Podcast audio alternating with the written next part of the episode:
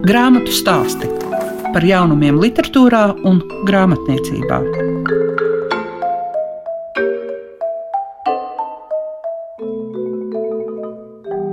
Esiet sveicināti visi tie, kas šodien klausās grāmatu stāstus. 1. novembris, kā radio dzimšanas diena, lai arī jums ir gana svinīgs un sirsnīgs pasākums. Bet šīs dienas raidījumā jūs varēsiet dzirdēt par Viktorijas Hanišovas grāmatu sēņotāja un Vintras vilcānes saķemmē matus, kas uzskatāma par eseju grāmatu. Bet galvenais tomēr gribu atgādināt, ka 1. novembris ir radio dzimšanas diena, par to, ka grāmatu stāsti ir kultūra kapitāla organizētajā konkursā arī saņēmuši savu atbalstu. Paldies par to!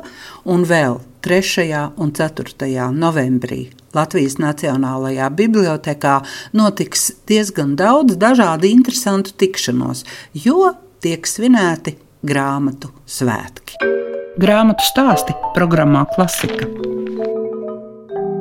Jānis Krastīņš ir iztulkojis grāmatu, kas daudziem latviešiem liek apšaubīt to, ka viņi ir lielākie sēņotāji. Jo ir vēl arī citi, un tie ir šī gadījumā čehi, jo Viktorija Hanišova ir uzrakstījis grāmatu sēņotāji. Kuri, jūsuprāt, Jāni, ir lielākie sēņotāji, latvieši vai čehi?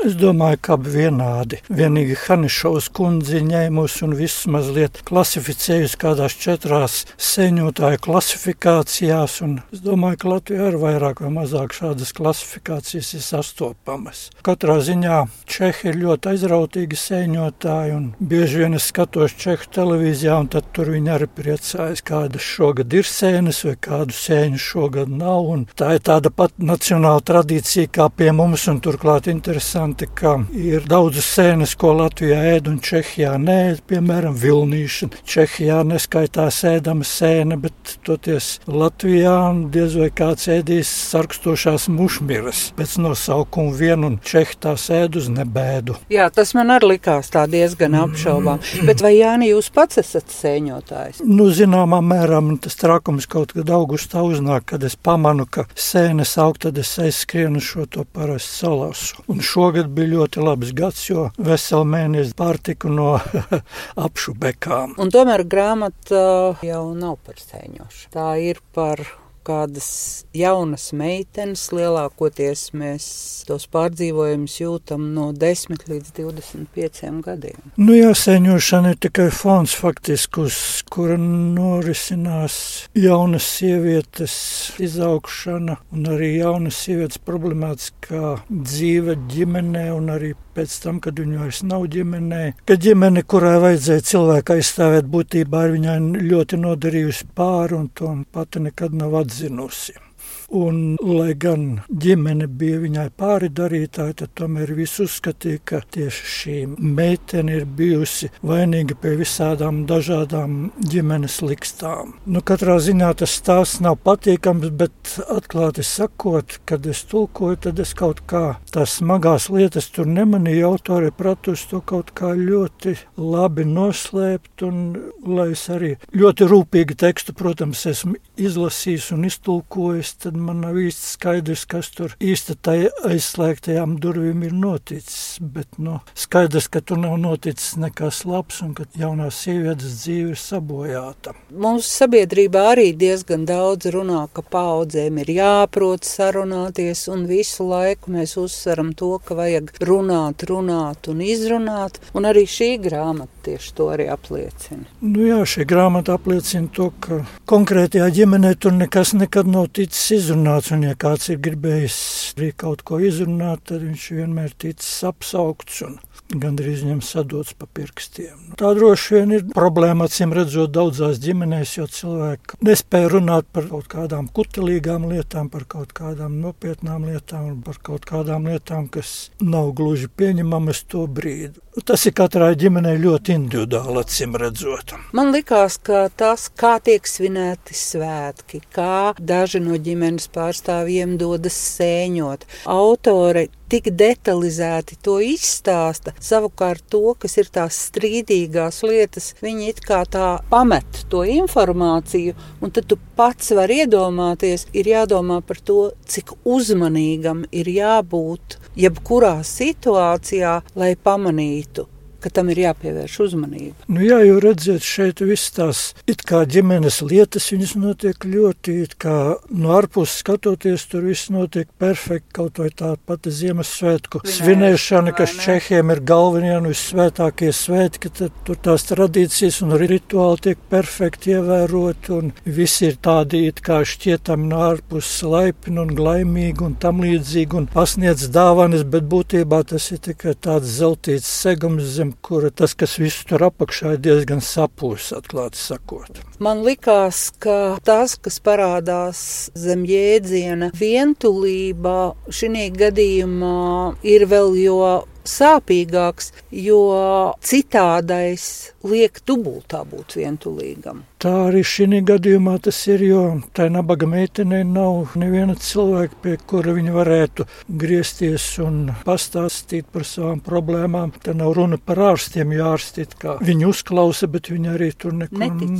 Nu, pirmkārt, viņi netic, otrkārt, viņi, nu, kā jau viņi ārsti, ne, viņi nevar katrā cilvēkā ielīst, protams, iekšā, un tas, nu, tas arī, diemžēl, tā ir gandrīz vai vienīgais cilvēks, ar kuru viņi tur tā mazliet draudzējas arī tāds zināma autisma tipa cilvēks un arī saudabīgs. Un tur skaidrs, ka viņiem abiem kopā arī nekas nevar sanākt, bet nu, viņi vismaz kaut kādā veidā viens otru pabalsta un arī vismaz kādu brīdi ir psiholoģiskās tāds līdzsvars un garīgais apmierinājums. Bet šī sisī man tajā epizodē, kur viņa cenšas izkļūt, kur viņa nolēma, ka viņa brauks meklēt darbu, Un kad viņa nokļūst noliktavā, kur ir liels skaits vīriešu, viņu dara uzmanīgu un liek bēgt no jau prognozējamas situācijas. Šis vīrietis, kurš nolaiza savas lūpas. Tas tā tur ir uzrakstīts. Tiešām nezinu, vai vīrieši aplaiza lūpas. Nu jā, ir, ir, ieraugot katru meiteni, es nezinu, man grūti pateikt. Katrā ziņā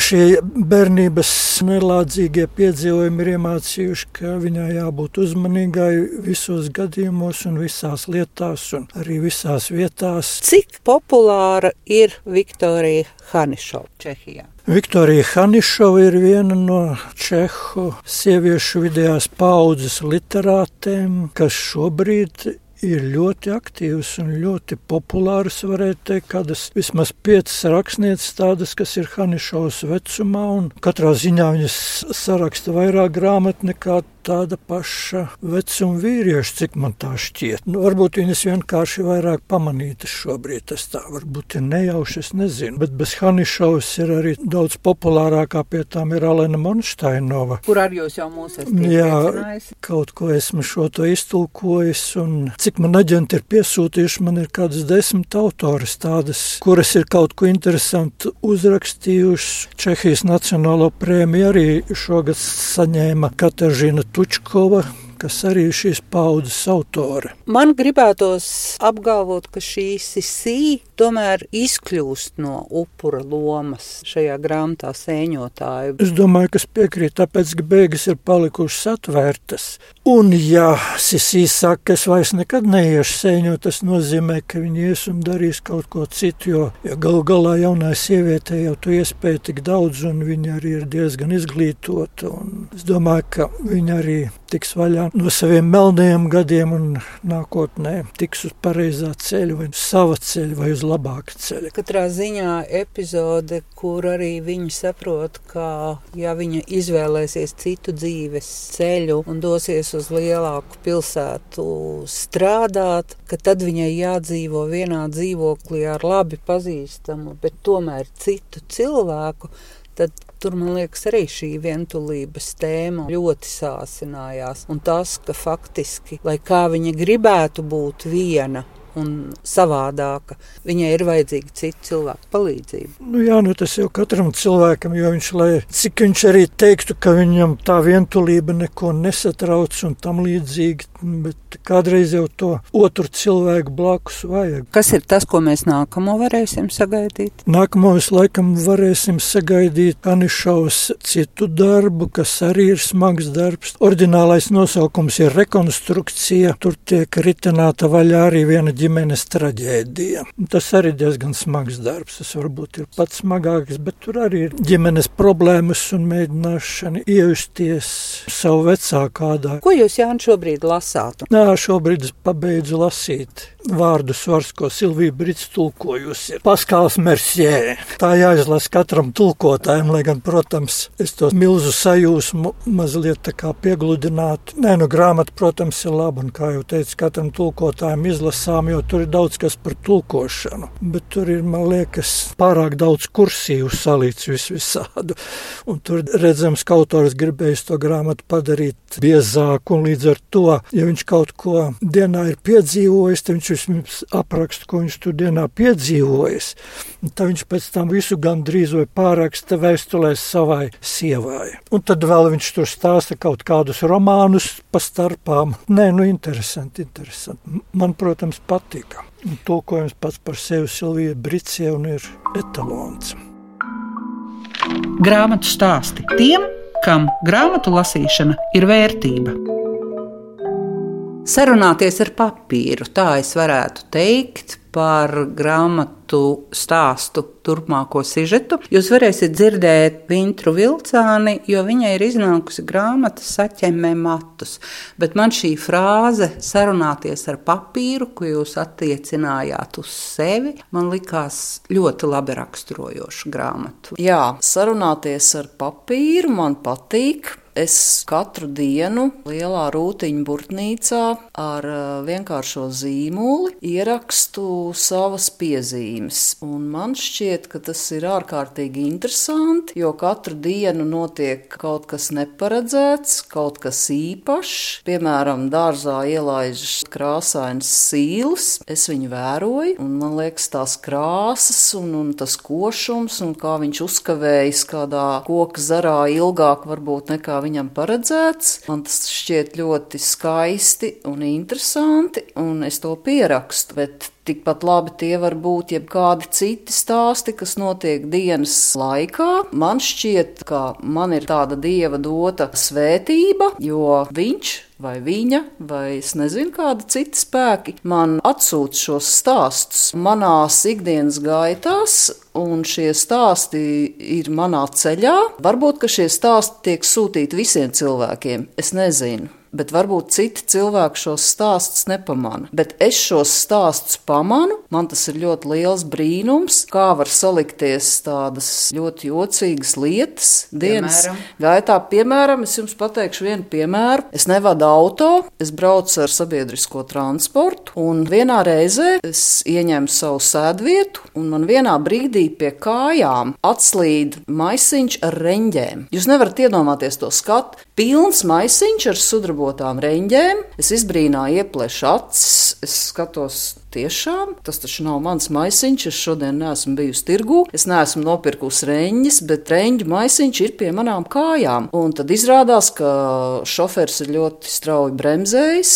autobuss ir sakratījies, kādam pasažierim no galējās vietas ir atslīdējis šis viņa iepirkums līdz manām kājām. Šis pasažieris vispār to pat nepamana. Es atskatos, es saku, vai kādam nav pazudis maisiņš, tikai tad šis pasažieris pamana pamana, ka viņam tiešām reņģa maisiņš ir pazudis. Viņš saka, ka Dievs būtu šodien palicis bez pusdienām, jo es taču varēju arī to reņģa maisiņu paņemt un kāpt ar viņu ārā savā pieturā. Jā, un tas man liekas ārkārtīgi skaisti, ka var notikt šādi mirkļi, kas nav ne iepriekš paredzami. Un šis ir tikai viens piemērs. Bet jūs jau viss taču uzreiz tā neiemūžinat, un jūs jau taču neuzrakstat uzreiz gatavu. Tie droši vien ir daži kaut kādi koda vārdi. Protams, lai es iemūžinātu katru, tas nav vienkārši iespējams, bet es esmu Twitterī. Man patīk Twitterī ierakstīt tādas ļoti sīkas sīkas, tieši trīs teikumi, tieši mans formāts. Reizēm man ir tik skaistas lietas, ka es domāju, nu es tagad to ierakstīšu kā tādu mazu dzējolīti, un Twitteris tādā ziņā ļoti pateicīgs formāts. Twitteris piebremzē, lai tu neizplūst vārdos,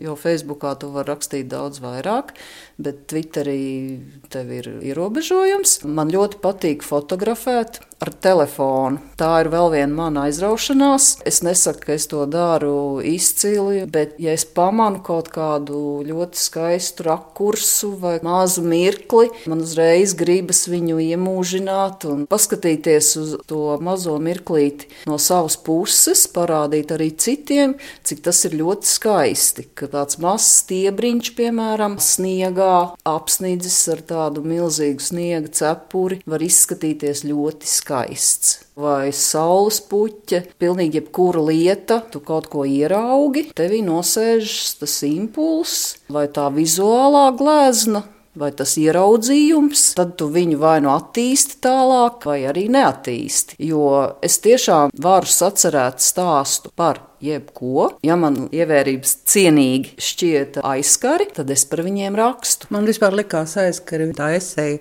kas visvairāk iespaido, mm. kas uzreiz liek arī kaut kā savādāk aizdomāties. Bet eh, kā jūs pie tā nonācāt? Doma par grāmatu manī bija iesakņojusies jau ļoti sen, bet mans pagrūdējs vai mudinātājs, mudinātājs bija žurnāliste un, un arī divu grāmatu autora Inita Sila, kur ir arī mans draugs draugs, un reiz viesojoties pie manas dārzā, viņa teica, Intra, tev vajadzētu uzrakstīt grāmatu, tev vajadzētu apkopot grāmatā dzimšanas dienas sveicienus cilvēkiem, viņa teica. Tad bija Covid, un man likās, ka kaut kas taču ir jāraksta, ir jādara. Tu nevari tikai skumt un raudāt. Un es paņēmu šo lielo rūtiņu burtnīcu, es paņēmu vienkāršo zīmoli un es sāku rakstīt savas impresijas, savus novērojumus, savus iespaidus.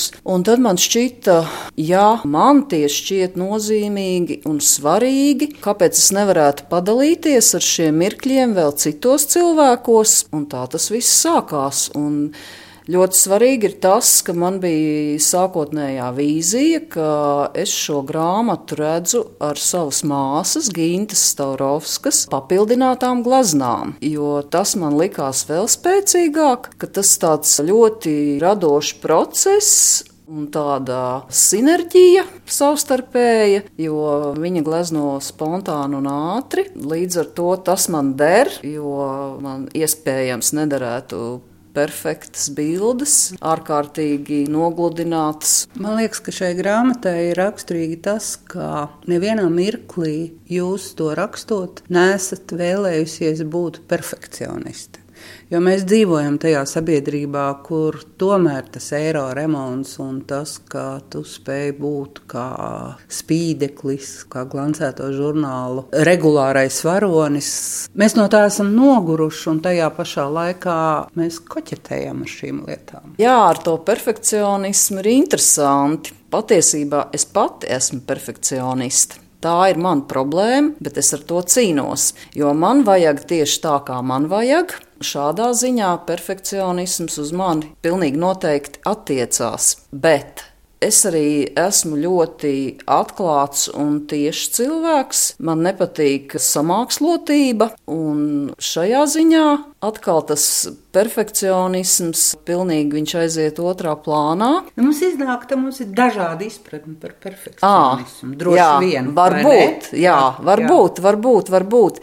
Bet perfekcionisms noteikti nav, jo, kā jau es rakstu, man daudz labāk par ķēmi patīk vējā izpūruši mati. Tāpēc, ka jūs esat no liepājas. Jo tā esmu es.